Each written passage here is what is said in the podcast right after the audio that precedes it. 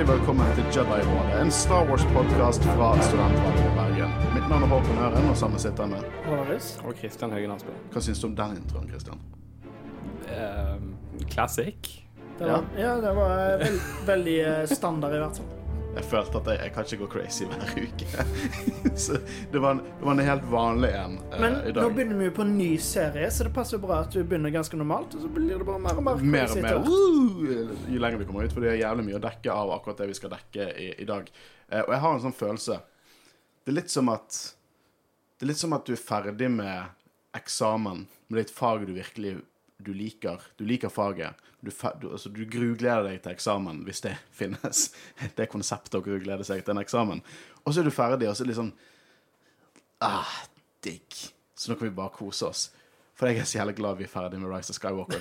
Ikke fordi jeg storkoser meg med, med å snakke om den filmen, og jeg ser mye mer positivt i den filmen nå enn jeg gjorde før, men fy søren så mye arbeid det er å dekke en film.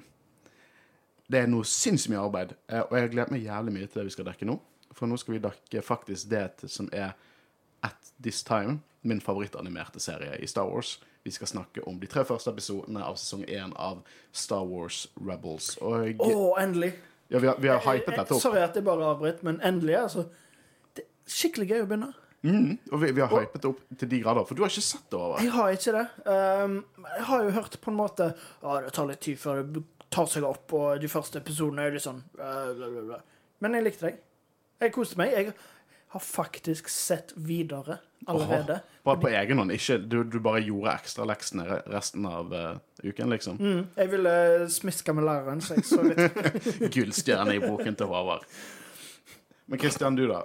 Hva, hva er ditt forhold til Rebels? Uh, Godt sagt, som alltid. Nei da, herregud. Eh, jeg, jeg er like stor eh, fan av Rebels som eh, det du er, tror jeg. Du er det? For jeg Ja, liker det hakket bedre enn Det, Clone det, Wars. det, det, det er litt annerledes animasjonsstil på det. Litt mer barnevennlig, kan du si det sånn?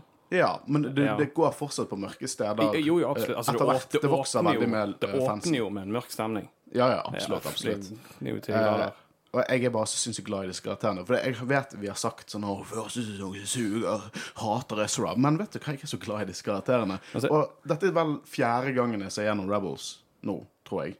Eh, og jeg, jeg er så sinnssykt glad i disse karakterene. Så i hvert fall, jeg synes at Spark of the Rebellion del 1 og del 2, som de to første episodene vi dekker, og så Droids in Distress, er tre episoder vi dekker i dag. Vi dekker tre episoder, av og til fire per Jedi-rolle-episode av Rebels. Men jeg syns den åpningsdobbel-featuren er helt konge. Du liker, altså Karakterene begynner du å like veldig fort, syns jeg. Mm. Og det, jeg må innrømme at det er jo ikke mer enn under et år siden jeg så hele serien opp Ja, igjen. Um, og jeg, jeg har veldig lett humor, men jeg ler av alt Astra, Mil uh, Astra gjør. Astra Miller. Ja, jeg, jeg vet ikke hvorfor etternavnet kom ut der. Uh, jeg uh, elsker Chopper. Eh, jeg Chopper syns er Chopper er den beste droiden. Nei, men der er jeg litt uenig. Men uh, sure. Men det er lov til å ta feil, Christian. Men Chopper er den beste droiden. Helvete, jeg elsker Chopper. Uh, vi snakker, jeg, vil bare, jeg vil bare bygge litt opp Rebels. For Rebels det satt fem år før A New Hope.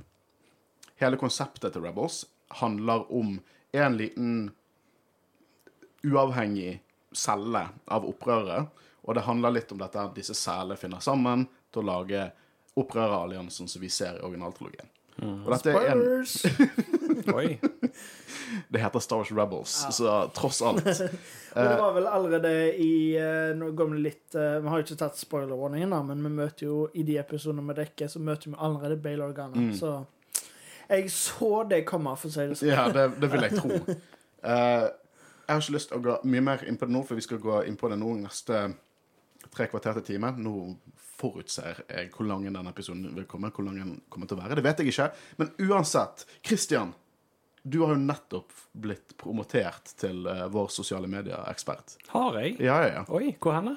Nei, Håvard gjorde så dårlig jobb at du fikk Eh, ja. Uh, følg oss på Instagram, Facebook og Twitter. Jeg tror jeg sier de i forskjellig rekkefølge hver gang. Ja, men du du- du- Men, men det som er enda Keep gøyere- it Ja, keep it fresh. Det Er det Subway? eh, Det som er enda gøyere, er at vi har veldig lyst å få masse god rating, uh, spesielt på iTunes. Så gjerne sjekk oss ut der. Og Ja, det- Skip Spotify av og til. Nei, men Spotify er kongen. Ja. Ja, Spotify er kongen. hvis hvis du hører oss på iTunes Ja, Gi oss en rating. Ja. Å, please, kan det være fem av fem? Please. Jeg har ikke lyst til å få det ned på firetallet, selv om vi er 4,9 nå. Damn it! Du får én fem av fem, og så får vi én én av én. Prøv, prøv, prøv på fem av fem. Og skriv en liten review. Jeg liker å få de små reviewene også. Vi trenger ikke gjøre dette. Hvis dere har lyst. Ja. Uansett. Lov? Kan du gi reviews på På iTunes, ja. Nei, eh, Spotify? Nei. Nei, det går ikke sant. Burde ikke. Der har de et problem, altså. Ja Det, det som er positivt med, med Spotify, da det du kan gjøre, er å høre episoden på Spotify, så gå på iTunes og skrive Ja, det gjør det. Ja, Kjempeenkelt. Go out of your way for å gjøre det. Uansett.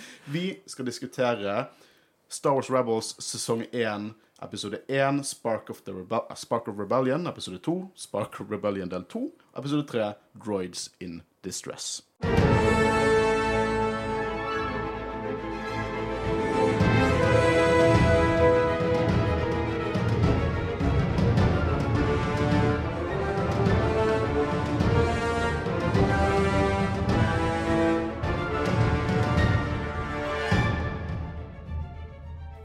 Begynner vi på Spark of Rebellion. Og det jeg synes Rebels er veldig flink til, er at det er jo ikke en sånn Det er mer episodisk serie eh, enn en Clone Wars, som er mer en sånn an anthology-serie.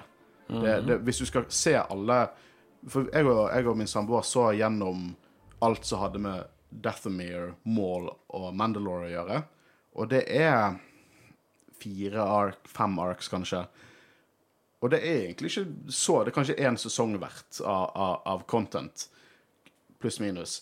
Men her er jo det Vi følger de samme karakterene, mer eller mindre. Og det de er veldig flinke til å gjøre på sesongstart og sesongavslutning, er å gi oss dobbeltepisoder. Og jeg husker når disse faktisk gikk på TV, så kom de ut de Spark of Rebellion med to episoder kom ut samme dag. Og samme med sesongavslutninger. Og så hadde de sånne mid-season-finaler også. Eh, og jeg synes de håndterte det skikkelig bra. Det var en event, og det var, dette var det første på en måte film slash serie vi fikk etter Disney hadde kjøpt. Jeg tror det kom ut i 2014, hvis jeg ikke tar helt feil. Det kan hende at jeg tar helt feil her. Det kom ut i hvert fall veldig, veldig tidlig. Så det, eh, jeg var veldig hypet når det kom ut. Og så falt jeg dessverre litt av. Og så hørte jeg rykter om at uh, Vader er med i noen episoder, uh, og da ble jeg uh, Da kom jeg tilbake igjen. For det er noe av det første vi ser. Vi ser Vader med stemmen til James Earl Jones. Og da får vi litt hint av eh, dette det kontroversielle designet som jeg og Christian har sånn indirekte diskutert i noen episoder tidligere. Og kanskje vi snakker litt om design først? For det er vel noe av det første som stikker litt ut her. Det er litt sånn Hva skal jeg si Rundere og på en måte Ikke rundere heller. Det bare ser mer ut som en tegneserie. Mm. Det er ikke den samme realistiske stilen som Og for all del, Clone Wars jo òg Har jo en veldig spesifikk tegneseriestil, men jeg føler denne tar det litt mye òg. Så ett og tre episoder, eh, pluss de jeg har sett i tillegg, da, så har jeg ikke noe imot det, egentlig. Men eh, jeg foretrekker jo spesielt etter fantastisk Bad Batch ser ut, Ja. så foretrekker jeg jo det. Det er noen som har sammenlignet Clone Wars med nesten sånn woodcarving. At det er nesten som Jeg vet ikke hva det norske ordet er. Treutskjærelse. Liksom det er på en måte det som er, er mer sånn inspirasjon bak det. Jeg vet ikke helt om jeg ser det, jo litt i karakterene. Men denne serien, Rebels, er jo tatt veldig fra Ralph McQuarrie sin, sin konseptkunst, med veldig tynne lightsabers. Vader har en veldig sånn sint hjelm. er det sånn jeg kan forklare det? Angry face. Men du er ikke så fan av Vader sitt design? Nei, altså Nei. Nei. jeg vet ikke hvordan jeg skal si det. Det, det, det, det går, du trenger ikke si så mye, og jeg ser den egentlig. Men jeg, jeg, jeg, Det det ser er ikke litt sånn rart at jeg hater det intenst, Nei. sånn som jeg gjorde med The, The Last Jedi. Men, eh, men det jeg skal si, er at eh, det, det- det er noe med stilen jeg ikke liker så godt. Med, Ja. med hjelmen generelt. Det er det det går på. Men eh, det er jo kult at det er basert på en eh, holdt på å si, en kjent eh, konseptkunsten konseptkunsten bak eh, han. Du ser det klassiske bildet der det liksom Luke egentlig heter Starkiller eh, mot Vader, og så står Vader der over han eh, med blått light, lightsaber og på en måte skal drepe han, så er det nesten helt identisk igjen. Og jeg digger det. Jeg elsker Vader-designet her. Mm. Ja. helt, ikke Skammer ikke meg i det hele tatt. Jeg elsker hvor weird han ser ut. Jeg bare trenger en statue av Vader fra Rebels. Én ting jeg ikke Får du tak i det? Ja, det var det. Vet ikke jeg, kanskje. Får Ja. google litt etterpå. Se hva de har på, på electronicbay.com. Um, Men men jeg òg syns animasjonsstilen er det, det, det er jo- Acquired taste. Acquired taste, men eh, jeg har ikke noe særlig sånn som en aged vin. Ja. La han puste Men jeg, jeg føler de på en måte prøvde med denne animasjonsstilen må- eh, på en måte gjøre det litt mer for de unge.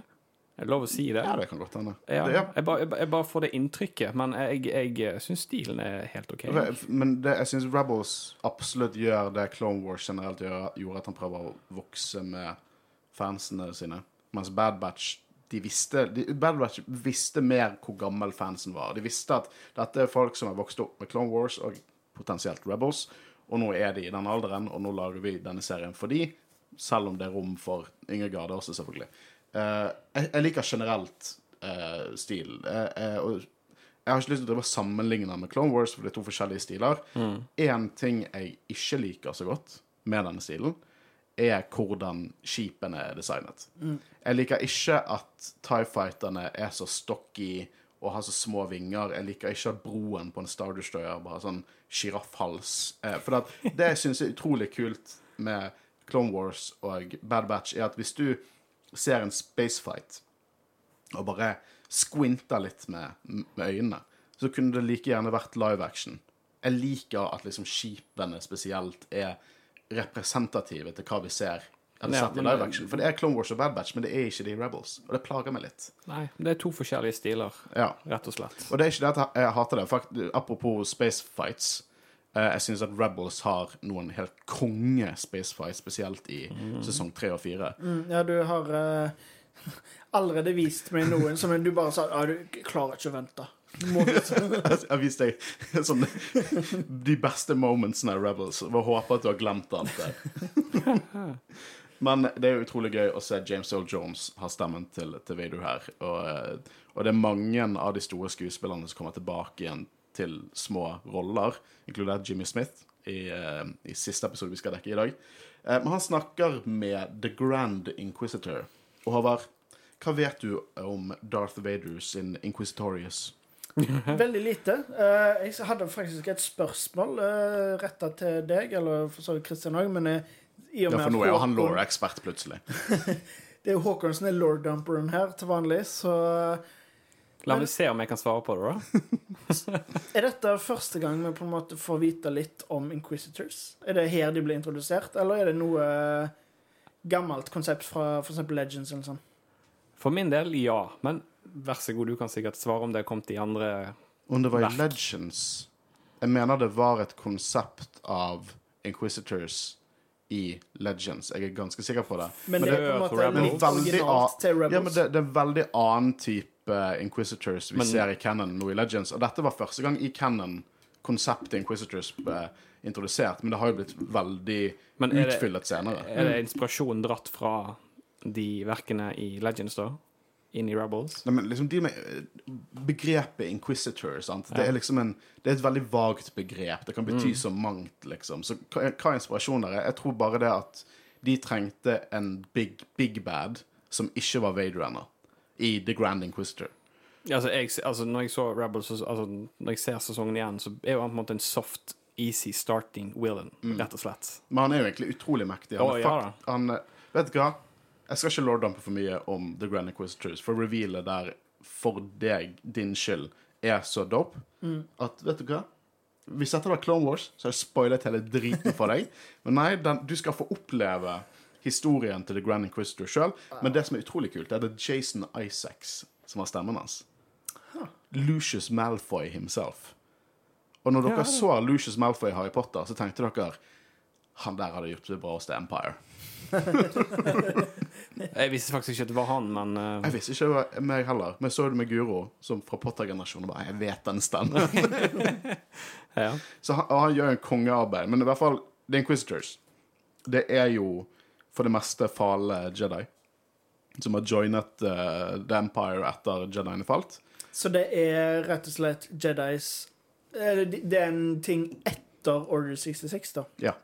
Dette her er Dette, okay, dette er Palpatine sin, sin måte å følge Sith guidelines. Så de er ikke, de er ikke, de er the rule ikke of tittel, two. det sant? De er ikke tittel Sith, men de har The Force og Røde lightsabers. Men de- de eksisterer under Vader for å jakte ned Jedi.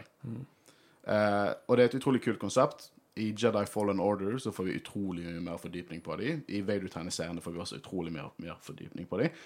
Når de først kom ut i, i Rebel, så tenkte jeg litt sånn så Ja, OK, kult. Men det er ikke før tegneseriene og Jedi Fallen Order virkelig understrekte hva liksom The Inquisitorious Vaders Inquisitorious Det er liksom en T-skjorte rett der. Det er jo knallkult. Som metall. Ja, men det er jo ikke første gang de på en måte Hvis du tenker pre-Rebels, så er det jo ikke første gang de på en måte har gått fra den der Altså, de går jo ikke under regelen rule of two, sånn sett, Nei. men det gjorde ikke Ventress heller. For- Nei, nei. Så, så Det blir på en måte samme, samme. samme greiene, på en måte. Nesten. Ja, det er jo bare viser bare hvor jævla lite praktisk The Rule of Two egentlig er, hvis Ja. du har en hel organisasjon av det. Uh, men her er jo The Vader som snakker med The Grand Inquisitor, og snakker om at The Children of the Force må ikke bli Jedi. Og det så å si en liten setning om hva Rebels kommer til å håndtere litt, da. Og vi kommer til Lothal, og Lothal kommer til å være et veldig kjent sted eh, for oss. I hvert fall i to neste sesongene. Og så hopper vi frem og tilbake igjen der. For det er hjemplaneten til Ezra Bridger. Og la oss snakke litt om Ezra Bridger. Jeg har snakket mye om han tidligere, eh, uten å på en måte direkte tatt form hos eh, Rebels. Og jeg er mest interessert i nå, først deg, Håvard, hva du synes om vår scrappy kid, som alltid må være en del av disse Star Wars-animasjonsseriene. Jeg skulle akkurat si det. Det var uh, Scrappy Kid, ja. Det var på en måte en litt sånn sett- Aladdin. Litt Aladdin, ja. Jeg har sett det før. Men uh, Ja, nei, jeg likte det. Eh, måten han på en måte ble introdusert på, og Ja, nei, jeg har ikke noe imot han, egentlig. Eh, jeg syns ikke han er irriterende på eh, Som du har sagt. Eh, ikke min favorittkarakter, men jeg gleder meg til å følge reisen hans. Han er troverdig som en 15 år gammel scrappy kid. Mm. Jeg, jeg, jeg kjøper han som en ekte karakter i dette universet. Jeg bare liker han ikke. ikke han er, jeg liker han ikke her tidlig. Og det er ikke det at jeg sier at han er en dårlig karakter. Jeg bare jeg, jeg, jeg, jeg, jeg, Kanskje det var fordi at jeg kom det, det var, På den tiden så hadde jeg på en måte ikke lært meg å like Asoka ennå. Jeg var litt lei av disse scrappy kidsa som alltid skulle være med i, i Star Wars-en min. Men jeg har lært meg å tolerere han. Altså, Luke er en ganske scrappy kid sjøl. men jeg har aldri vært en stor Luke-stan, jeg. Luke er litt mer whiner. Han er det. og Astor er faktisk akkurat like gammel som Luke.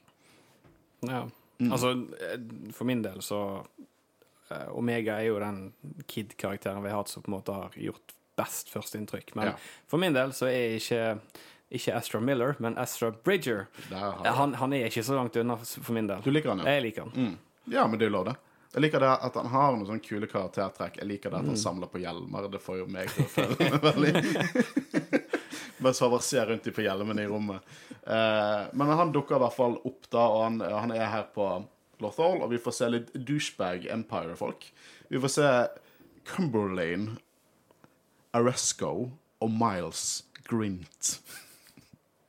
Det er to navn vi aldri kommer til å nevne igjen. Og vi kommer til å glemme Okay, vent, litt, hva heter Jens, igjen, sa du? Cumber, Cumberlane, Aresco og Miles Grint. Det høres ut som noe de bare har funnet en sånn name generator eller på, nett. Og de, de snakker alt til en sånn geitemann. For jeg føler i disse animerte seriene så er det alltid disse geitemennene som enten er uteliggere, de er full, de er sulten, eller en stakkars butikkeier eh, som ble trakassert av noe med en jogan fruit. Og jogan fruit Nei, du husker ikke jogan fruit, du?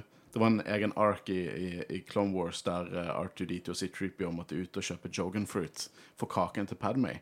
Den, eh, Og så endte R2 på spa, mens uh, C3PO ble torturert av Cad Bane. ja, Den, den, har- den, jeg den, har faktisk, jeg glemt. Det er en shitty ass episode.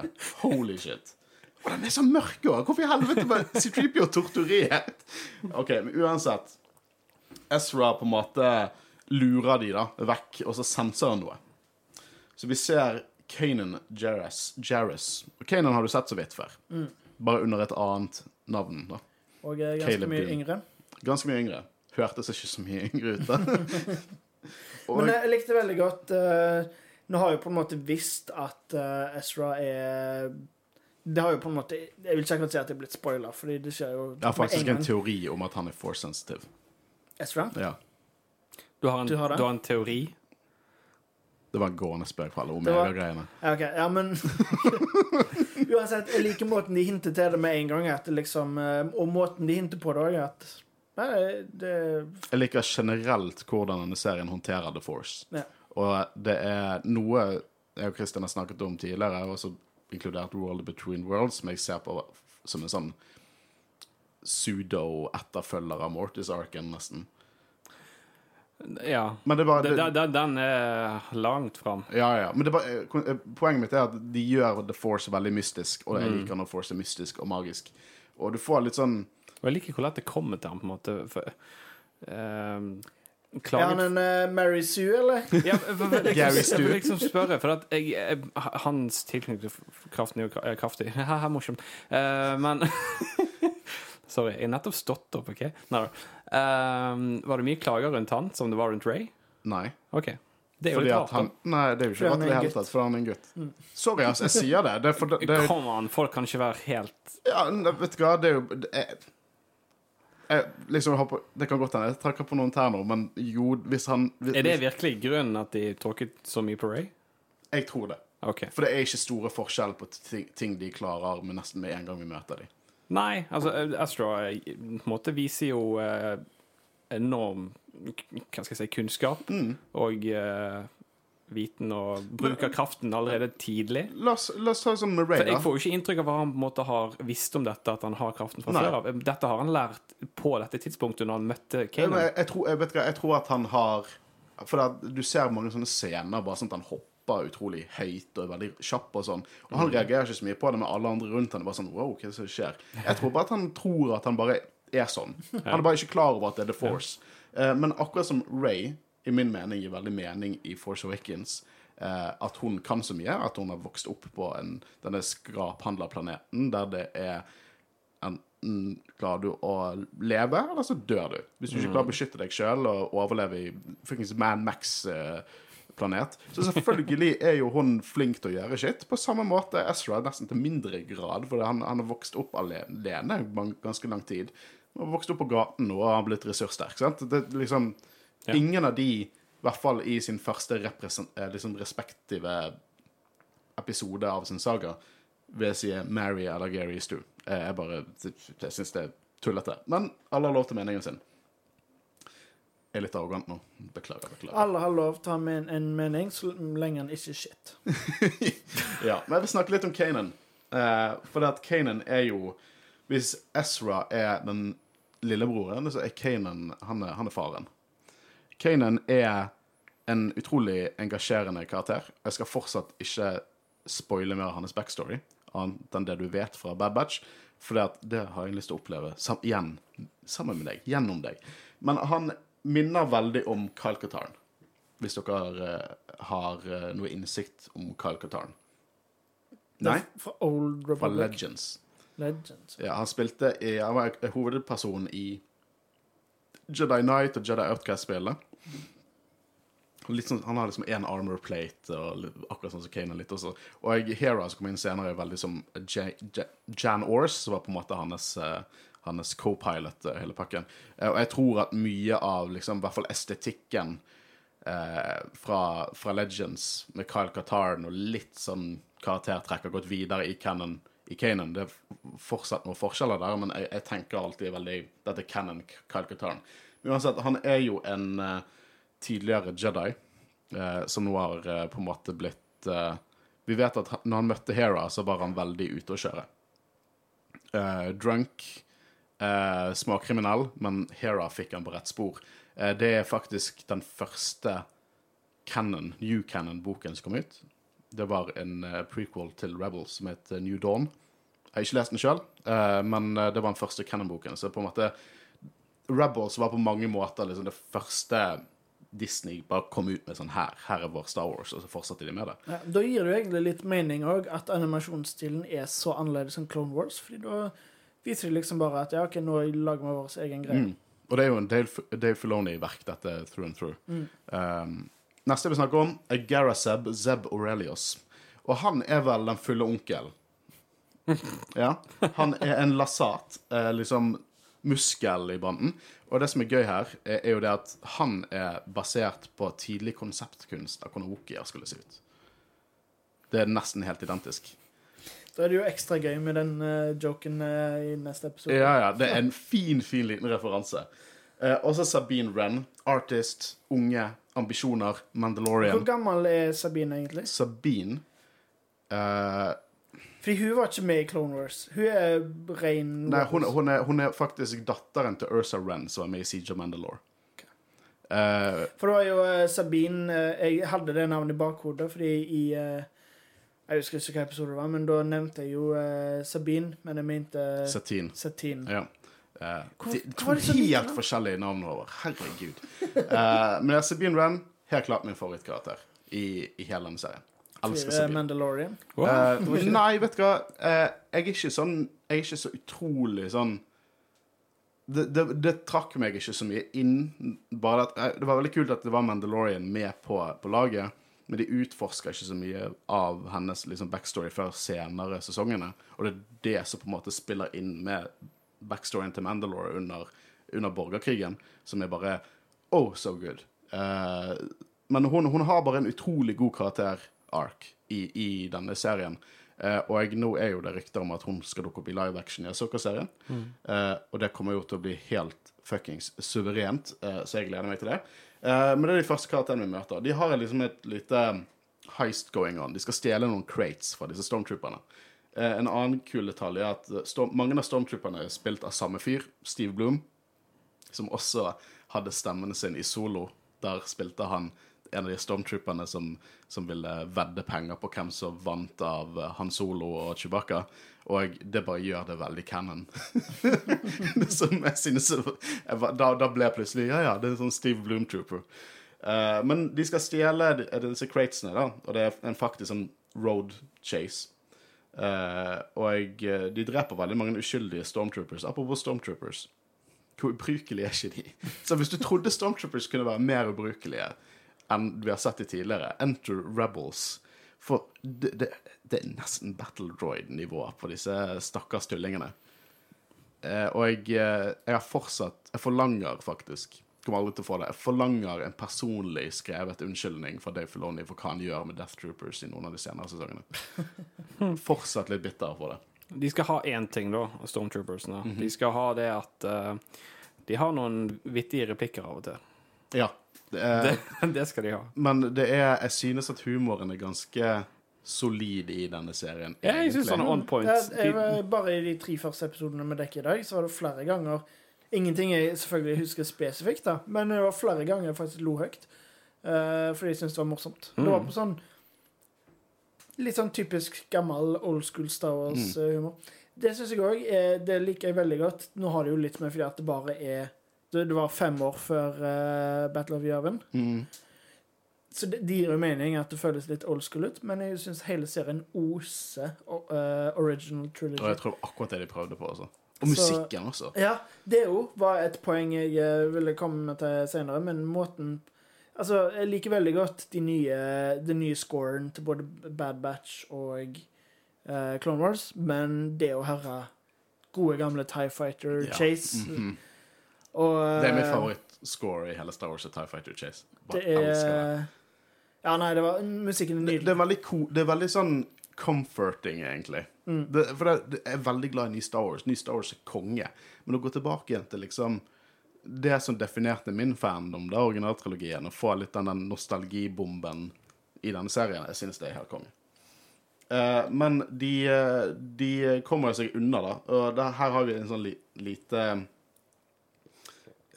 ja, hvert fall de, de, Ezra og Kanan møter hverandre på veien. Hva er det å si der? I hvert fall Ezra løper vekk, TIE Fighter kjører etter, og så får vi se at det kommer et skip og skyter ned denne TIE Fighteren, og det er en veldig, veldig ikonisk skip.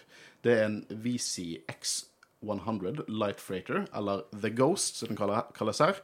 Den har vi sett flere ganger i live action. Vi har sett den i Rogue One. Vi har sett den duplikert fire ganger i, i Rise of Skywalker. Og den ble nevnt i solo. Det er Hvor var han i uh, Rogue One, da?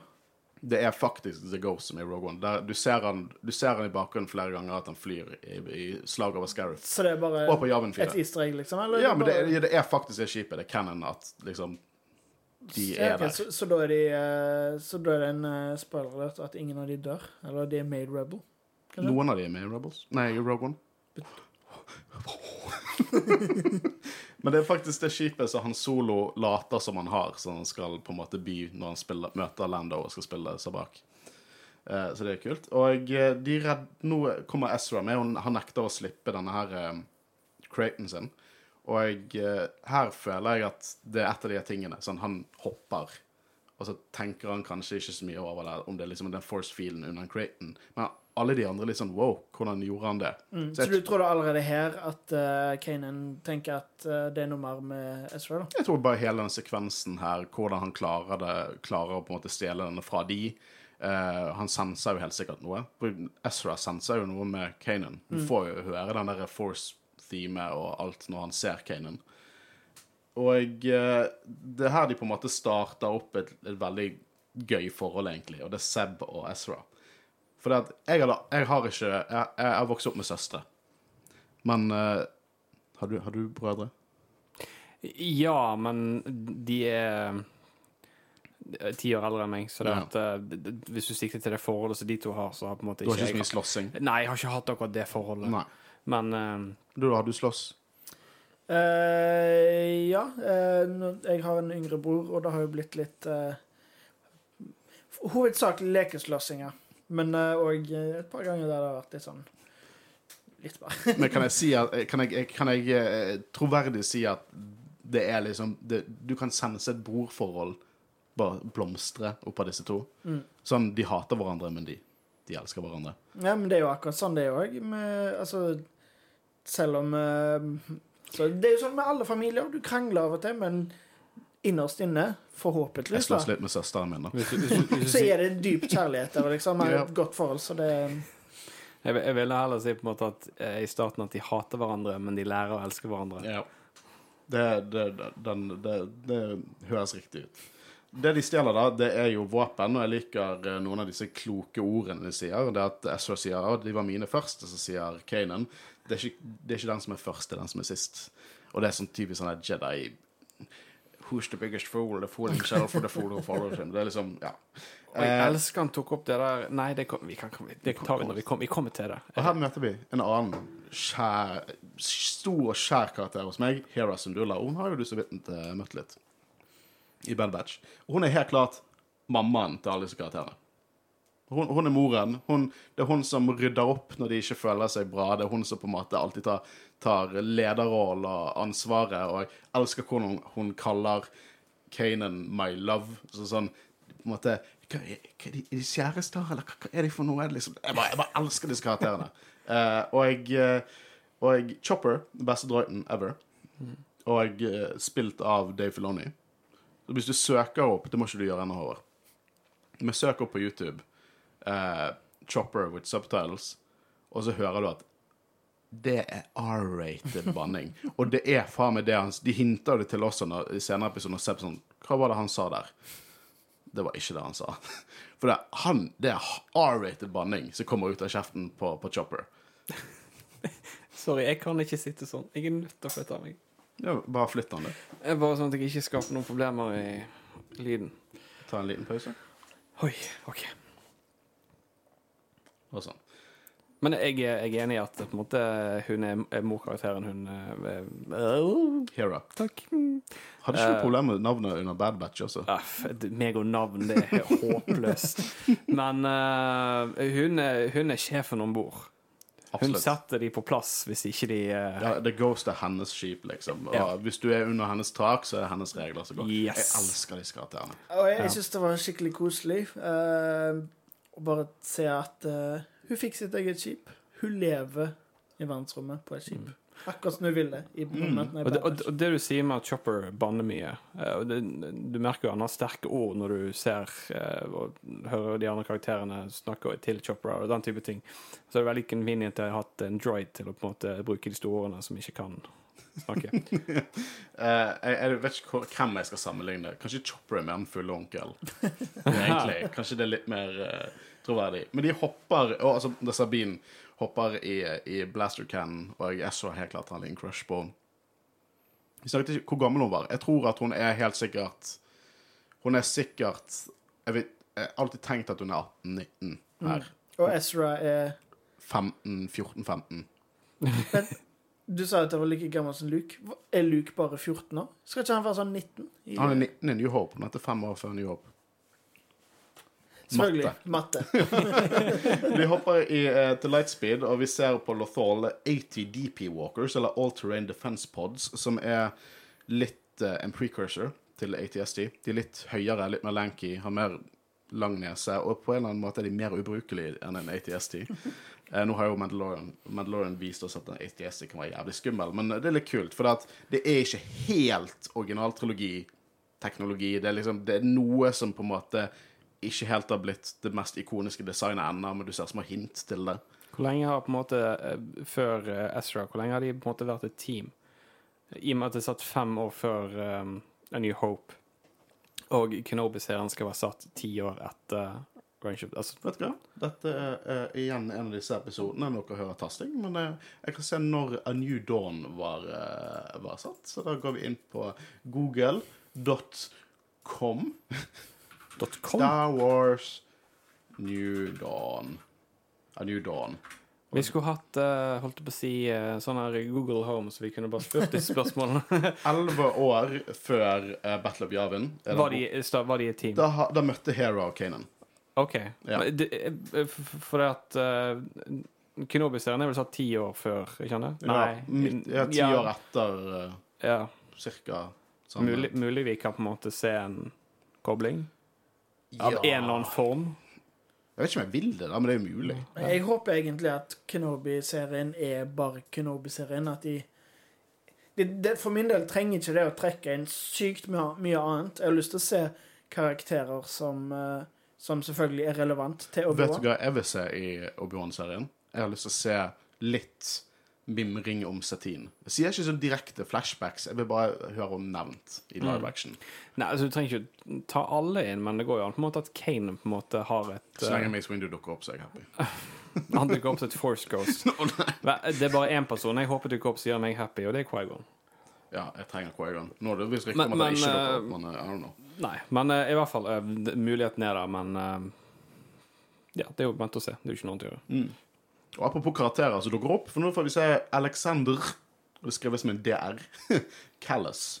Han er en ISB-agent, altså Imperial Security Bureau. Det, den begrepet eller organisasjonen innad The Empire har jo vi hørt mye om det siste. Uh, spesielt pga. Moff Gideon, som var en offiser inni uh, Hva du kalte det? Gestapo? KGB. Ja, KGB. Uh, og jeg, han er der fordi han undersøker mønster til opp, små opprør, selgere og opprør. Sånn, de vil på en måte ta tak i dette før dette blir noe stort. Så han er kalt inn etter at det har vært flere sånne små eh, scenarioer sånn som dette her på Lothal. Eh, og eh, I skipet, da, i Ghost, så var det en ting jeg hang meg fast på. Eh, Men eh, Så det betyr egentlig at det crewet har vært på Lothal lenge, så de kunne ha møtt Ezra før, liksom? Det er Ja. OK. Det var ikke der Seb er fra? Nei, Seb er fra Lasagne. Lasagne, OK. Ja. Ja. Uh, det er jo litt mer på backstoryen hans i episode tre her. Men Hera i skipet snakker om å scramble signature, og det var jo noe som Omega uh, lærte om.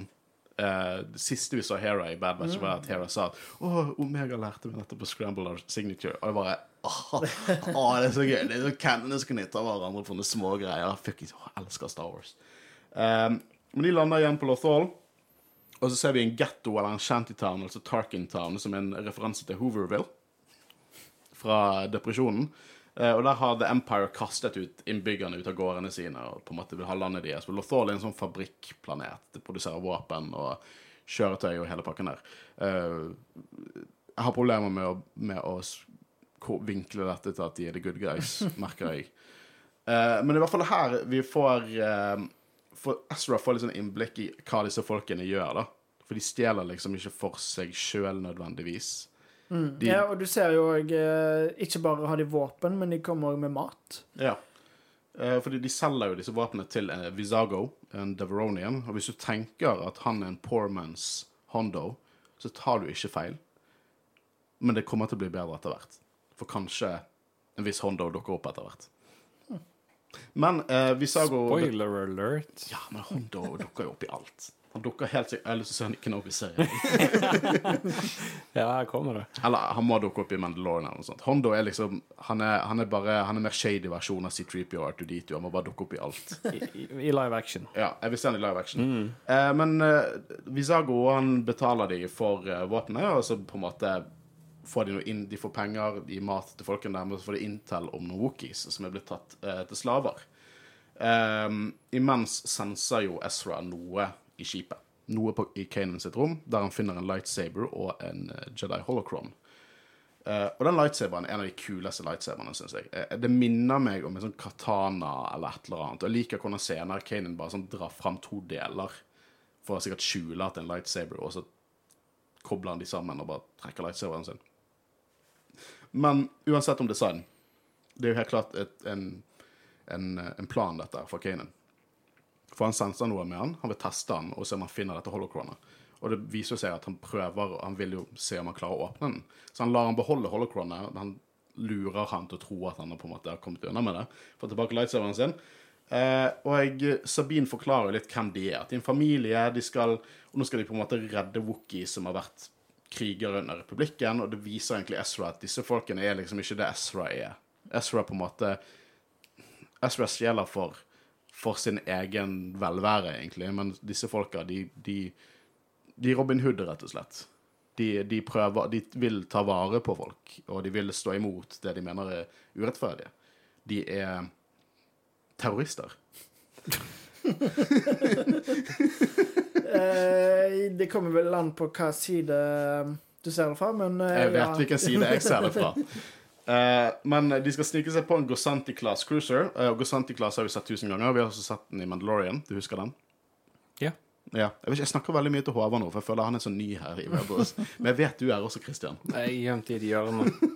De har presset meg helt inn i høyre hjørne. Nei, venstre hjørne. Se. Nesten bak skjermen. Ja. Men her vi får en veldig fin referanse der når de lurer seg inn og sier at de har en Wookie-slave, og så er det Seb, og så sier de har ikke sett en rare hairless Wookie before? Som er en utrolig gøy liten referanse til det.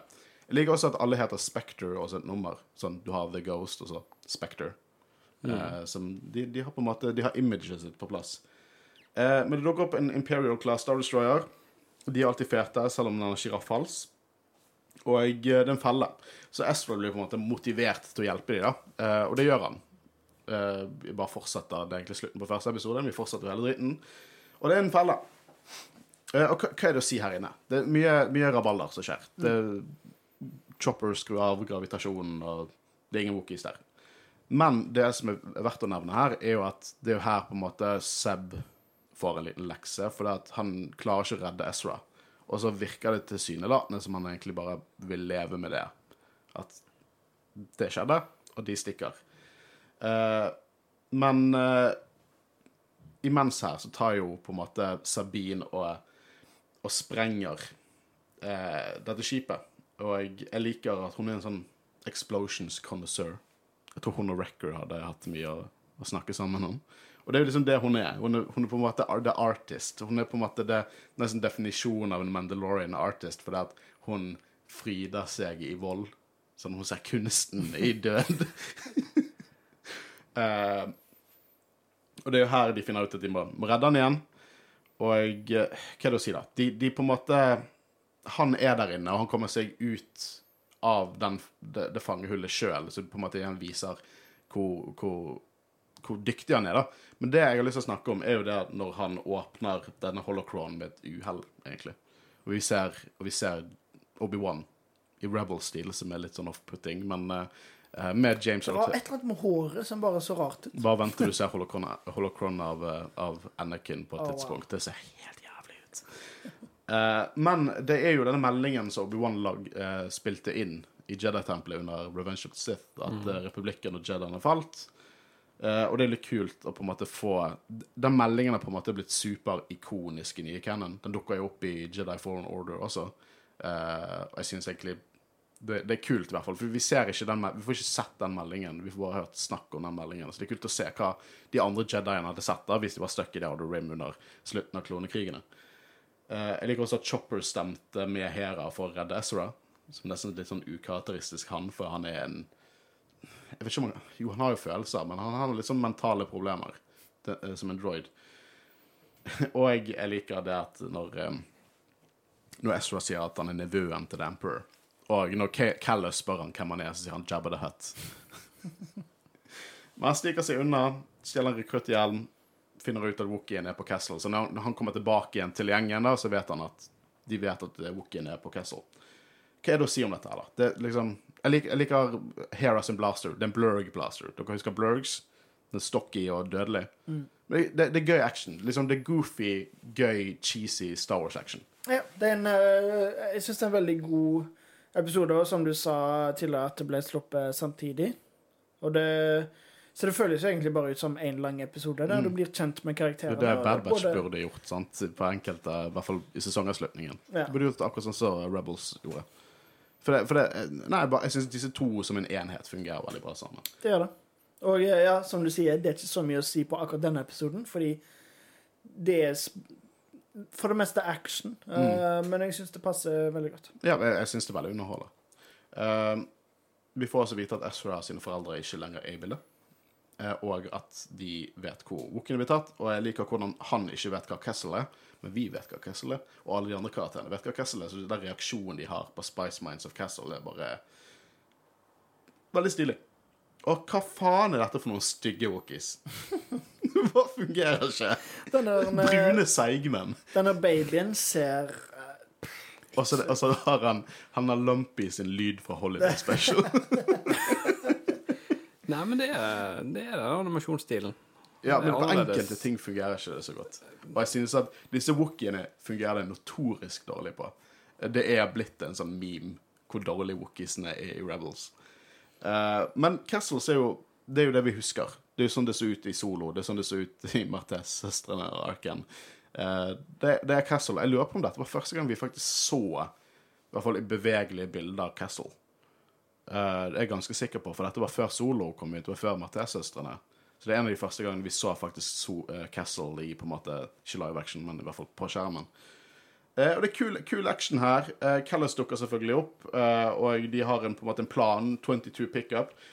Men ja, Ezra vil redde den Wookie-ungen, men det kule her er jo Jedi-momentet til Kanan. når Han revealer seg sjøl som en Jedi. Og, og jeg, jeg vedder på at uh, Callis har sikkert alltid ønsket å kunne si det han sier, for han stopper litt opp sånn Every trooper, focus your fire. Focus your fire on the Jedi. Sånn, han har alltid ønsket han kunne si akkurat den, eh, den linjen der. For det er ikke hver dag du ser en Jedi liksom, rett før borgerkrigen. Og det er, det er kult. Det, er, lightsaberne er kontroversielle. Hva syns du om lightsaberne? Er kontroversielle på hvilken måte? Ja, de er tynne. De er litt sånn, de er litt sånn Altså- wavy. Ja, kanskje. Jeg skal ikke si det plager meg så mye. Nei, men jeg liker det, for det, jeg, de minner meg litt om, om A New Hope-lightsaberen. Ja, liksom Veldig flikrete, på en måte. Ja. Det, Ja. det, det, det kan du godt si. Ja, og den, liksom, den er veldig lyseblå. Det, det jeg, bare jeg, jeg får veldig ny Jeg tror det er veldig hensikt. Og så er de veldig mye Altså, når du ser New Hope, eh, ikke på en måte Den har den kuleste lightsaber-action i hele sagaen. Å ja da. Altså, når, når du ser Rogue One, siste scenen i Rogue One, så får du liksom Det er akkurat som å se Det er Vader i som å se. Wader i New Hope, altså. Men um, du merker det på stilen i forhold til eh, de nyere eh, utgivelsene av A New Hope som har kommet, der Mm. ting har blitt rettet på. Når du ser noen av de første, så merker du at lightsaberen er på en måte litt tynnere, føler jeg. Ja. Så på en måte minner litt om den veldig tynn i artworken. da. Ja. Så Mm. minner litt kanskje om stilen. Jeg vet ikke om dette her de lightsaberne er basert på noe design fra et eller Jo, annet. fra, fra, fra han Ralph McCord. Ja, okay, for den var ja. kjempetynn. Ja. Det var en veldig sånn tjukk lightsaber-håndtak, og så var lightsaberen bare sånn skikkelig, skikkelig tynn. Ja. Jeg lurer Altså, om jeg- det er fordi bare, bare fordi at måten de lagde lightsaberne på, det var jo rett og slett at det var en slags lyspinne. Ja, spinnet. Ja. Uh, som de, de lagde det bevisst fordi de visste at det, kom, at det måtte se så tynn ut. Jeg for å tror det er en fin Jeg, tror det, det, jeg syns det er en fin referanse. Liksom Nei, jeg synes at Clone Wars generelt ser bedre ut. Ja, det er det jeg foretrekker, liksom den Ja, jeg stilen. men jeg har ikke noe imot Men dette. jeg, jeg setter veldig pris på hva denne stilen representerer. Ja. Og eh, ja, det er en annen type stil, men hvorfor må noe være bedre enn andre? liksom? Det er to helt forskjellige Mm. Ja, stiler. ja. Eh, de redder jo wookiene. Eh, jeg liker Jeg liker den stormtrooperen som spør Callis om det er første gang han har sett en Jedi, og så tar Callis og fuckings dreper han. Det, det, det, der ler jeg. Eh, og vi ser også en, et skip, et sånt Wookie-skip der, en, som vi ikke ser veldig ofte. Det ser nesten ut som en sånn Republic Attack Ship, bare litt sånn tre-theme. Så det, det er en eh, OK, stay with me here. Men ja, nei, sorry, jeg vil bare si tilbake til det med når han eh, Der har du noe. Altså, Disse eh, Stormtroopers som på en måte sier sånne morsomme ting. Den type humoren der føler jeg er en slags Robot Chicken-humor. Bare, bare law-friendly. Ja. Så, men sorry, det var ikke meningen å avbryte. Ja, det går helt fint. Liksom, det går helt fint. Men det er happy ending, og vi ser Wookie Dropship. Jeg må bare si det, for det er ikke ofte vi ser et Azituk anti-slavery gunship. Mm. En gang til. Auzitok. Auzitok. Azituk. Auzi, det er masse det setter og ser Og det er. Wookie-ship Det er Wookie-skip. Mener jeg. I Legoen så hadde det vært Wookie-skip også. Uh, og ta det helt med ro. Jeg vet at det ikke heter uh, Auzituk i Legoen, men i Cannon heter det fortsatt Auzituk. Så ikke bli sint, for i Cannon heter det fortsatt det. Dere skjønner at jeg fortsatt er irritert over Jeg. Jeg Slave-kontroversen. skjønner. Eh, men de redder Wookiene, og eh, uh, vi får noen siste sånn Jedi-themed avslutninger med Kanan og Ezra. Da. Så Ezra stjeler jo lightsaberen igjen, uh, gir tilbake holocronet, og han klarte testen. Eh, og han drar jo tilbake igjen til på en måte sin tårn og på hjelmen, og sånn, og så står bare Kanan bak han. Og jeg liker det scenen bare at begge Ezra vet at han står der, så han bare begynner å snakke. Men her er det noe jeg lurer på. Fordi han Kanan forsvinner jo med en gang. Og så er han tilbake på skipet. Så det er liksom ikke sånn at han bare hopper ned. Tror du dette er en force projection? På samme måte som Luke gjør i Jeg tror ikke det er på samme måte som Luke gjør i Last Jedi, fordi at når Luke gjorde det i Last Jedi, det, var, det drepte han. Eh, nå gjorde han det over flere planeter. Ehm, så det, det kan jo hende at det er det, at det krever mindre når du er på samme sted. Jeg tror i hvert fall at det var en samtale gjennom The Force. Sånn uansett om han jeg, jeg tror absolutt at det var en samtale gjennom The Force som Altså, der. det kan på mange måter Hvis ikke det er det, så kan det jo på en måte at Ezra på en måte følte hans altså, At de snakket til hverandre, kommuniserte, men Ezra på en måte så et bilde i tillegg. Mm. Ja, det liksom, jeg, uansett hva, hva det var som skjedde der, så tror jeg ikke at Jeg tror ikke Kanan er er Batman. Jeg tror dette var gjennom The Force. For Ezra er sterk med The Force, og, eh, og Kanan sier jo liksom det at at du kan, du kan få beholde lightsaberen, og det kan bli en av disse støvete suvenirene. Uh, jeg hadde sikkert gjort det hvis det var i Star Wars-universet. uh, men du kan også bli med han, og så kan du på en måte bli trent opp til å liksom, bli en Jedi. Det er jo en klassisk eh, call to action i eh, adventure story. Uh, og det er jo her vi får se liksom fulle meldingen til Obi-Wan. Og når Obi-Wan sier den meldingen A new hope will emerge Åh, frysninger. For det er navnet på den første filmen, A New Hope. Å, ja, det var det, ja. ja, ok, ja, ja. Og da dukker Ezra opp og gir lightsaberen. Siste scene er jo det at Callas snakker med The Grand Inquisitor, som sikkert ikke har drept en Jedi på en liten stund. Eh, så han krybler sikkert i fingrene etter litt eh, Jedi-blod. Og det var avslutningen på sesongstarten på denne serien. Eh, og jeg eh, Nei, vet du hva, hvorfor snakker vi ikke litt om det? Jeg syns dette var en kongestart. Og jeg, jeg skjønner ikke hvorfor jeg var lunken på det første gang jeg så det. Um, Ja, nei, ikke jeg heller. Eh, fordi uh, både du har sagt, og uh, et par andre jeg har snakket med Rebels om, så har liksom sagt at det tar litt tid. Og... Men òg, jeg var ganske lunken, jeg òg, fordi jeg har jo sett i hvert fall de to første. Jeg tror kanskje jeg har sett de tre første for mange år siden, når det lå på Netflix. Eh, men jeg bare fanga meg ikke, så jeg jeg så ikke videre. Jeg, jeg gadd ikke å se på det, for jeg tenkte at nei, dette er ikke for meg. Men nå, når jeg ser det på ny nå, så må jeg si at jeg likte det mye bedre. Så er det ikke om det bare er jeg som er blitt mer voksen, Men eh, eller jeg vet. Eh, Eventuelt om jeg er blitt mer Mer barn. som foretrekker det. Men jeg likte det. Så. koselig å være. Da funnet vi indre unge. Først og fremst bare gleder jeg til eh, sesong Ja, altså videre. Spesielt sesong tre og fire. En av mine Men favoritter. sesongavslutningen på sesong to er helt konge. Ja, det, det er vel greit nok, men sesong tre er min favoritt, tror jeg. Ja, jeg tror sesong tre er min favorittsesong. Ja, det er en det- kongeavslutning. Vet du hva, men syns vi om den? Men det, det vil jeg uh, si jeg, jeg jeg vet ikke med deg, da, men uh, jeg så jo Clone Wars før jeg så Rebels. Ja, same. Ja. Uh, et, et, for min del så har jeg likt uh, Rebels på en måte Falt ikke i smak helt i starten, men jeg tror kanskje det har litt med stilen Rebels hadde i forhold til Clone Wars. Mm. Men jeg, jeg på en måte er flere ting jeg kan si jeg foretrekker med Rebels, og det ene ting kan det være kontinuiteten i det, at det er mye mer uh, Karakterdreven. karakterdreven, og uh, det, det er en, på en måte en rød linje gjennom Mm. hver sesong. Vet du hva, Jeg tror for min egen del hva det var som gjorde at dette var litt off-pudding i starten, var det at jeg gikk fra liksom sånn eh, eh, Avslutningen av Clone Wars, det var sesong seks, da, liksom med de Yoda-episodene med Force og Fives uh, Order 66-episodene, og liksom den første Siege of Mandalore, som jeg liker å kalle. Liksom de syke konge-arkene i Clone Wars, og så var det liksom dette litt sånn Men i det- forhold, sant? Men så blir jo du kjent med karakterene, og så blir jo du litt mer sånn hvert for min egen del så blir jeg litt mer åpen som fan, at jeg vet at de prøver å nå et sted, sant, og så plutselig bare traff det. Ja, men det, det er jo liksom Clone Wars er en mer ark-dreven serie. Mm. Jeg føler dette har, er på en måte karakter, karakterdreven sånn sett, og historiefølgende, holdt jeg på å si. Ja. At det ikke på en måte hopper fra eh, flere ting. Da Og det er to veldig forskjellige ting. For sånn, Ja. Hvis jeg skal skru på noe animert, noe som helst animert, hvis det er Mm. kun noe, én ark jeg skal se fra noen animert serie, Star Wars, så er det Siege of Mandalore. Det er som Ja. en egen film. Det, det er det beste. Ingenting av de animerte som har kommet ut, slår den arken. Nei. Men Rebels i sin helhet slår Clone Wars, for min del, til de grader. Jeg, jeg, bare, jeg er så glad i disse karakterene at jeg, jeg tror jeg har nevnt det et par ganger. Nei, nei, nei, altså, de vokser på deg utrolig tidlig. Men uh, vi kan jo hoppe opp i neste episode nå. Dette er ikke min favoritt. Eh, I hvert fall ikke blant disse tre. Uh, men den er, den er fine. Det er liksom, dette er liksom det jeg tenker på når jeg tenker at Rebels første sesong ikke er helt konge. Så liksom dette. Og det er Droids in Distress.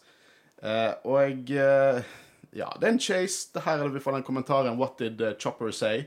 Og Seb knows what's up. Han vet hva faen den droiden sier. Han vet ikke, han kan ikke sette pri liksom, prikken over i-en. Han kan ikke si akkurat det, men han vet at det er noe shit som kommer ut av munnen hans. For crewet, de er tom for mat, og de er tom for Det er noe annet de er tom for.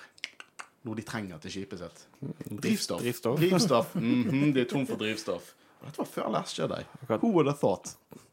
Ja, ikke sant? Er du glad at jeg ikke har lagt den gå ennå? Nei, men Det er to år inne nå. Vi er over to altså, år gammel. Du hadde meg på uh, Phantom Menace når de sier drivstoff der. Og hvorfor trenger de drivstoff? For å fly. Ja. Ja, oh.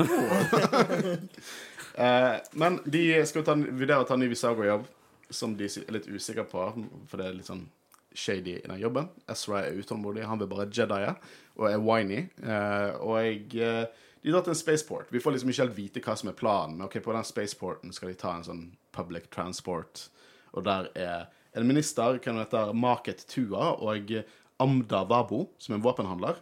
Og vi får se to kjente fjes. R2D2 og C3PO. Jeg tror dette er det eneste stedet i Rebels de dukker opp, bare denne episoden. Eh, som er like greit. Ja, og jeg er veldig glad for at det senere ble vist At vi fikk vite at de var på et hemmelig oppdrag, fordi Hvis de bare hadde dukka opp sånn helt liksom Å, se, der er de. Cameo! Ja. Jeg likte det ikke i begynnelsen, men jeg setter mer pris på det med hvordan episoden slutter. Eh, Jeg setter pris på alle scener der Chopper og R2D2 krangler. Jeg tror R2D2 er ikke er liksom Han er, han er en pottymouth, han også. Men, men i forhold til Chopper Kanskje sammenlignbart. Og når C3PO blir skikkelig fornærmet og blir kalt en astromech-droid han, han bare sånn Han stopper litt opp og bare sånn Jeg er ikke en astromech-droid. Uh, og de faker en krangel, rett og slett, sånn at droidene blir sendt bak i bussen. Og jeg har lyst til å snakke om droiderasisme. Bak i bussen. Det var ikke en buss, men droider må bak i, i public transport. Det er jo en spacebuss, da. Spacebuss. Mm. Syns dere det er greit? Imperial rules, da, som gir mening. Ja, men uh, du ser jo at uh, droiderasisme går igjen og igjen, så det er jo eh, Ja, spesielt hvis det viser seg at de er sentient på samme måte, liksom sånn. De, Ja, vi, vi, vi hyper opp denne Det teoretiske bonusbåten vår om er ikke helt bra, altså. Nei. Men de lurer jo i hvert fall eh, sjåføren, som også er en droid, til å sende alle droidene bak. Eh, og så tar egentlig Seb og Sabine og oversetter feil, for de er oversettere for denne Walrus Man Acquisition, som skal på en måte er våpenhandler. Og, hans, og de lurer de til å tro at de skal hente noen våpen på Base 17, men egentlig 7. Det de skal stjele, det er T7 Iron Disruptors, som er bannet av senatet. Og de har ikke dukket opp veldig mye i Cannon, men de er med i Battlefront 2, som er litt kult. Og hele konseptet rundt denne episoden er jo litt det med at eh, Seb kommer fra Lasan, og mesteparten av hans rase er, er rett og slett utryddet, og det er på grunn av dette spilte en faktor. For det at hvis du bruker disse ion disruptorene på, eh, på menneskelige Eller organismer, så eh, er det ganske grusomt. Og jeg, jeg vet ikke om det er så veldig mye å si det som skjer her. Eh, det liksom Jeg liker når eksempel eh, de hinter til at eh, R2D2 og C3PO har en egen plan, så du vet at de bare ikke er imperial, på en måte. Eh, og du merker det i hvert fall på R2D2, som er i liksom den duoen sin tro og klassisk R2D2 C3PO har en plan, men C3PO skjønner ikke det. Ah, fy faen, C3PO er bare ubrukelig i denne episoden. Vet. Eh, jeg, er, jeg er veldig glad det, det, Jeg liker litt det de hinter til. Det de hinter jo til noe mer liksom Temaet i denne episoden er mye Det er ganske Det er et godt som moralsk dilemma de har. Dette her med at skal de ta disse våpnene fra The Empire, skal visstnok lage prototyper til å bruke de videre, og så skal de gi de til noen andre som også kan gjøre noe gale med de. Er det greit for at de skal få seg penger? Eh, og vi får mye sånn backstoryen til Seb, da. Eh, og vi kommer til å, få- det er helt utrolig hva denne eh, serien gjør med karakterene. For du får Jesus Christ, Chopper har en ark. Flere arcs der du får vite den tragiske backstoryen til Chopper. Det er liksom Alle disse karakterene får så sinnssykt mye karakterutvikling i denne serien. Og de gjør det på akkurat så lang tid de trenger. Og ja, denne episoden er ikke blant de beste. Eh, Det er mye sånn tomfoolery rundt omkring på disse beinene. Men det på en måte gir hinter til noe større til i hvert fall Seb. Og Seb er på en måte langt ifra en av de, de mest sånn dramatiske karakterene. Han er jo litt comic relief, men til og med han har en dramatisk og bra skrevet backstory, så vi får hint til noe, så vi kommer til å få mer konklusjon til, til Jeg, senere. jeg synes det har vært utrolig god pacing så langt. At det er Ja, de forteller det de vil, og de forteller det på en god måte uten å dra altfor mye vekk. Mm. Så det Ja, jeg eh, Og ja, som du sier, måten de bare hinter til backstory og sånn, det er Etter tre episoder så merker jeg allerede at jeg begynner å kjenne karakterene. Og det er jo selvfølgelig mye mer som gjenstår før jeg kjenner de helt, men jeg merker liksom allerede mye dynamikk og alt mulig sånt, så det Jeg tror det er noe av det denne serien skinner på, egentlig, karakterene. Eh, har dere sett eh, Marvel What Ifs? Nei. What if The Ghost Crew hadde solgt droidene til Visago? Hva hadde skjedd da? De snakker om å selge dem, fordi R2, si- eh, R- R2 følger etter Chopper, eh, og crewet og C3PO følger etter R2. Eh, jeg må understreke igjen, jeg elsker når Chopper og R2 slåss. Jeg, jeg, bare, jeg, jeg syns det er så jævlig gøy. Og jeg syns ikke det var gøy i begynnelsen da jeg ikke kjente karakterene. Men nå når Chopper er soleklart min favorittkarakter eh, Nei, favorittkarakter. Favorittdroid. Og jeg vet ikke, noe fortjener, noe, Arthur fortjener å satt litt på plass. Han har fått veldig mye rampe, rampelys. Og det er C3PO som, eh, som på en måte Apropos han er ubrukelig. Det er jo han som kontakter The Empire. Og han tror jo fortsatt at de har tatt av tyver og sånne ting. Uh, og jeg, de drar jo til Visago. Uh, en ting jeg ikke nevnte, for Visago var jo så vidt med i forrige episoder. Dere ser droidene bak han, som en IGRM. Det er faktisk concept-arten til IG88. Eh, og de bare skriker Ralph McCrory. De, de skriker 70-talls sci-fi, egentlig. Det er det de gjør. Og det er egentlig det denne serien gjør generelt. Uh, og hva er det å si? Det er mye action, for stormtrooperne og Empire følger etter, fordi Callas har blitt kontaktet av ministeren. Uh, R2 har en plan om å sprenge opp disrupterne. Det jeg har mer lyst til å fokusere på, er jo det at Callas versus Seb. Eh, for nå får vi vite at Callas har en såkalt bow rifle, som er bare det honor guard på Lasan som han har, og han hevder at han har dratt eh, denne, denne ærete våpenet fra en honor guard sjøl, som hinter jo til at han har vært med på mye av disse, eh, disse tingene som har skjedd med rasen hans. Og til og med Callas, som man skulle tenkt her er bare en sånn teit Scooby-Doo-henchman som er et av disse darn kidsene. Til og med han er en av de mer ut, liksom, utforskede karakterene i Star Wars. I Star Wars. Til og med skurkene får helt utrolige karakterreiser i denne serien. Du aner ikke, Håvard. Er ikke du enig? Jo, jo. Godt sagt. De sprenger, eh, de sprenger The Empire, folkene. Eh, Ezra redder Seb, og nå skal på en måte Jedi-treningen begynne for ekte. Og avslutningen så får jo vi se Jimmy Smith som Bail Organa, og han har ikke kappe. Oi. Hva skjedde her, Dave? Kan jo hende at han har mista kappen. Ga den til Rex? Eller har tatt, tatt han av seg midlertidig. Men det er ikke greit. Og han sier et lite sitat da. A simple gesture of kindness can fill a galaxy of hope. Og Kanan sier ikke noe sånn Jedi-saying, og så sier han ha det. Og her har jo R2 tatt opptak av disse opprørerne som han skal vise til Bale, og Bale er jo helt klart en av de store maktene innad opprøreralliansen, så det er helt klart hinter til at noe større er på ferde. Og det var de tre første episodene av Rebels. Og hva synes vi om Vet du hva jeg har lyst til å høre? Jeg vet at, uh, at du ikke har fått sagt så mye om meningene dine, og du skal få si det etterpå. Men vi, har, vi to vi så jo, Når vi så de Rebels-episodene i Bad Batch, så var jo vi bare fylt av nostalgi. Jeg antar jeg, ikke sant? Bare Ja, det var, jublet. det var veldig kjekt å på en måte se Hva skal vi si glimt til fortiden deres, holdt jeg på å si. Mm. Uh, jeg lette etter et ord jeg ikke husker. Men ja. Nei, Ja, men det var, vi, kjenner, vi, vi kjenner jo karakterene. Vi er glad i Ja, karakterene. sant? ja, Å se hvor de begynner, er jo helt konge. på en måte gøy å se et lite sånn Kan du kalle det et easter egg? Ja. Ja, Det, til- det, det, det, er god, det er god fanservice. Altså. Ja, det er god absolutt. fanservice. Uh, men Håvard, du likte jo de episodene. Hvordan var det å se de før du så dette? Um, Hvordan tenkte du om Hera, liksom, for eksempel?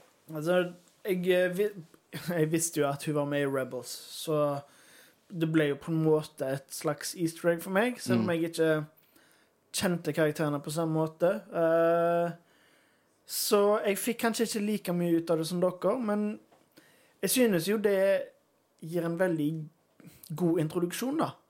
Uh, Får vite mer om backstoryen hennes med en gang. Um, så ja, jeg likte det veldig godt å se de der, da, og gå på en måte rett fra Det er ikke så lenge siden vi snakket om de episodene, og så går rett til Rebels, så det jeg synes det var veldig kult. Jeg, eh, jeg merker jeg nesten har lyst til å hoppe over mange episoder for å bare komme til det gode. Men det vi har sagt det Ikke gode, men liksom det virkelige. Det, at- Ja, ja, men absolutt. det, det, det, det, det, det det vi har understreket. er at det er så gode karakterutviklinger her at til og med de mer ubrukelige episodene har et eller annet. Så, så, Jeg, altså, jeg får mye mer ut av disse her eh, OK, la oss si de ubrukelige episodene som du bruker, eh, enn av de eh, Tilsynelatende. tilsynelatende enn de elendige i Clone Wars. Mm. Ja, ja, det er nesten ikke sammenlignbart. Men det, det, det er sånn, jeg husker jo at når de fikk kritikk for filler i, i denne serien, så tok Dave Filoni og sa sånn Nei, men bare, Det er ikke filler. Jeg lover dere, dere har ikke sett hele pakken. Det er ikke filler. Og det er noen av de episodene i senere sesonger som er sånn Hva faen var det jeg så nettopp? Og så bare spiller det, det Det har en hensikt. Vi fikk den episoden på grunn av noe. Jeg, jeg vil ikke si jeg har noen sånn filler-følelse av mange Rebels-episoder. Sånn men du vet, Folk bruker ordet filler veldig løst og lett. sant? ja, Det- det, det- altså, det merket jo Mandalorian òg. Ja, men- jeg må jeg er ikke enig i fillers. Men ordet filler er jo mer en sånn En synonymt med sånn jeg, jeg vet ikke om jeg likte det så godt. Føler jeg. Det er veldig mange, i hvert fall mange på YouTube. Når jeg sånn. tenker fillers, tenker jeg en episode som ikke har noe betydning for Mm. historien i det hele Ja. tatt, som vi følger. Men her har jo du mye. Ja. For at vi får hint av Seb sin bakhistorie og Kelly Mm. sin bakhistorie, noe som kommer tilbake igjen. Og vi får i hvert fall den avslutningen med Bale som hinter om liksom det større bildet her. Uh, og- Jeg tenkte ikke at det var filler i det hele tatt. Nei, jeg, jeg tenkte at det var filler når jeg først så det. Men det er jo, det er jo helt klart ikke filler. Men uh, favoritten her er Spark of Rebellion. Jeg synes at eh, det var en kongemåte å starte en serie på. Helt enig. Jeg gleder meg bare til å dekke mer. Og mer skal det være, for vi har sikkert 24 Jedi-rådet-episoder med Rebels. I mellomtiden, når det kommer nytt materiale ut, sånn som Star Wars Visions, så skal vi selvfølgelig dekke det så fort som mulig, og Book of Bobafett og alt. Det blir sånn som når vi dekker Clone Wars. Dette var default state, hvis jeg kan kalle det.